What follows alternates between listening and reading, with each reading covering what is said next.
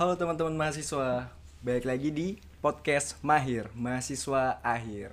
Nah, di episode keempat ini, di episode keempat ini adalah lanjutan dari episode ketiga. Nah, episode keempat ini kayaknya bakal jadi episode eh, penutup dari pembahasan di episode ketiga kita di episode sebelumnya. Nah, di sini kita bakal eh, menyimpulkan nih dari pembahasan kita yang sebelum-sebelumnya gitu. Oke.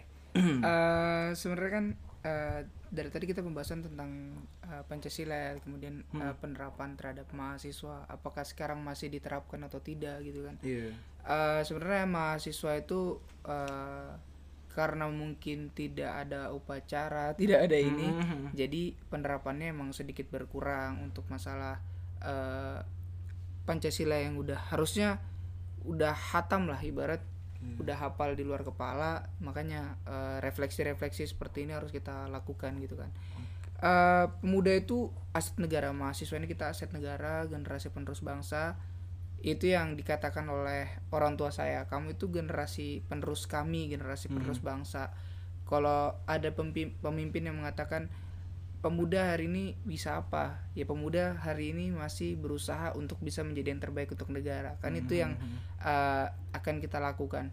Jadi uh, kita teman-teman harusnya melek sadar bahwasannya pancasila itu adalah uh, sakti bahwanya pancasila itu adalah nilai dasar negara kita. Jadi jangan kita melupakan nilai-nilai dasar negara lah. Iya. segala sesuatu. Hukum berlandaskan dari Pancasila kemudian eh, apa pun keputusan diambil oleh para pemerintah hari ini adalah berlandaskan Pancasila makanya kemarin hari kelahiran Pancasila tanggal 1 Juni.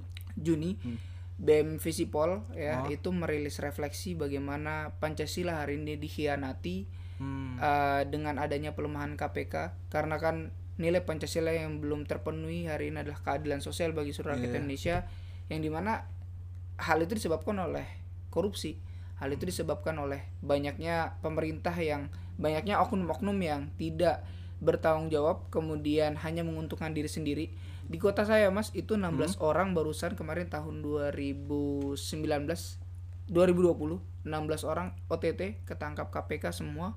Ketua DPRD kemudian bupatinya Hmm. serta jajarannya yaitu ketangkap semua. Sekitar puluhan tahun hal itu udah berjalan. Wah. Jadi pembangunan di tempat saya kenapa tidak merata yaitu sebabnya. Uang-uang atlet yang tidak cair itu sebabnya. Hmm. jadi kan saya kemarin sempat ya berkarir lah atlet yaitu kalau uang saya di pemerintah itu udah puluhan juta tetapi tidak cair ya. Apa namanya? Gara-gara tindak pidana korupsi itu seperti itu. Itu kan kita berusaha buat apa namanya buat dapat uang lah anak muda kan. Iya. nyarinya uang buat Iya, main kan. tapi uh, dikhianati oleh pemerintah. Jadi itu adalah salah satu mencerminkan hal yang tidak baik. Kemudian sekarang Novel Baswedan bersama Hmm. 75 pegawai KPK yang ditolak uh, yang tidak diterima bukan ditolak tidak diterima karena tidak lulus tes kebangsaan. Karena isi tes kebangsaannya itu jika disuruh lepas jilbab apakah anda mau? Itu kan tidak logis. Tidak ada Hmm. Ah, kebangsaannya iya, sama iya, sekali. nah hal itu tuh uh, merupakan salah satu pelemahan. Bukan hanya melemahkan KPK tetapi juga melemahkan nilai Pancasila. Sangat disayangkan uh, ketua KPK tidak ada tindakan sama sekali. Dan hari ini kasus itu masih dikawal. Semoga uh, harapannya dari BEM Visipol ya semoga masalahnya cepat selesai. Kemudian tindak pidana korupsi pun cepat teratasi. Karena kalau tidak teratasi seberapa banyak lagi rakyat miskin yang akan ada di Indonesia? Itu sih mas. Kami sangat mengkhawatirkan itu. Kami peduli akan rakyat. Kami datang untuk rakyat seperti itu. Kami datang untuk rakyat menyampaikan aspirasi terhadap uh, pimpi- pemimpin birokrasi hari ini. Mungkin itu saja sih kesimpulan dari saya. Ingat Pancasila itu sakti nilai pertama sampai nilai kelima itu memiliki makna yang mendalam seperti itu. Tuh. Itu aja sih mas. Sedikit Oke, ya. Keren banget eh, pembahasan kita di pada sesi ini.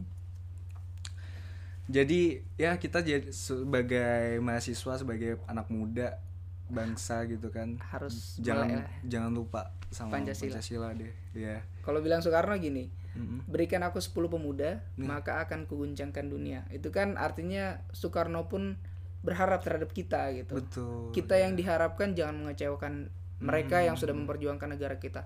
Walaupun negara kita merdeka bukan karena bambu runcingnya tetapi kan negara kita merdeka karena ada kesempatan saat itu. Iya. Eh, Jepang dibom saat itu oleh Amerika yang kemudian eh, apa namanya sekarang kita merdeka karena mereka jadi kita harus eh, bertanggung jawab dan selalu ingatlah terhadap mereka yang udah meninggalkan kita kemudian kita harus mewarisinya secara serius jangan main-main Oke. Ya. Seneng banget bisa ngobrol sama Vicky. senang Ya, banget juga bisa diundang terima kasih loh masih Iya. diundang nih Keren banget. Ya. walaupun saya sebenarnya uh, tidak terlalu berkompeten juga di Pancasila Hmm, tapi kan oke, oke. kita sebagai mahasiswa harus uh, bersama-sama mengingatkan Iya. mungkin saya hari ini ingat Pancasila nggak tahu nanti satu tahun ke depan masnya mengingatkan saya Pancasila nih Iya. nilainya jangan dilupakan kan seperti itu mas Ya semoga kita selalu mengingat Pancasila untuk anak-anak muda di luar sana mungkin. Ya khususnya saya sendiri Kita mungkin sendiri ya, Kita betul. sendiri ya. Oke. Ya mungkin itu aja dari kami ya untuk podcast ini. Oke, untuk podcast selanjutnya mungkin kalian bisa stay tune terus. Jadi stay tune terus di podcast Mahir, mahasiswa akhir.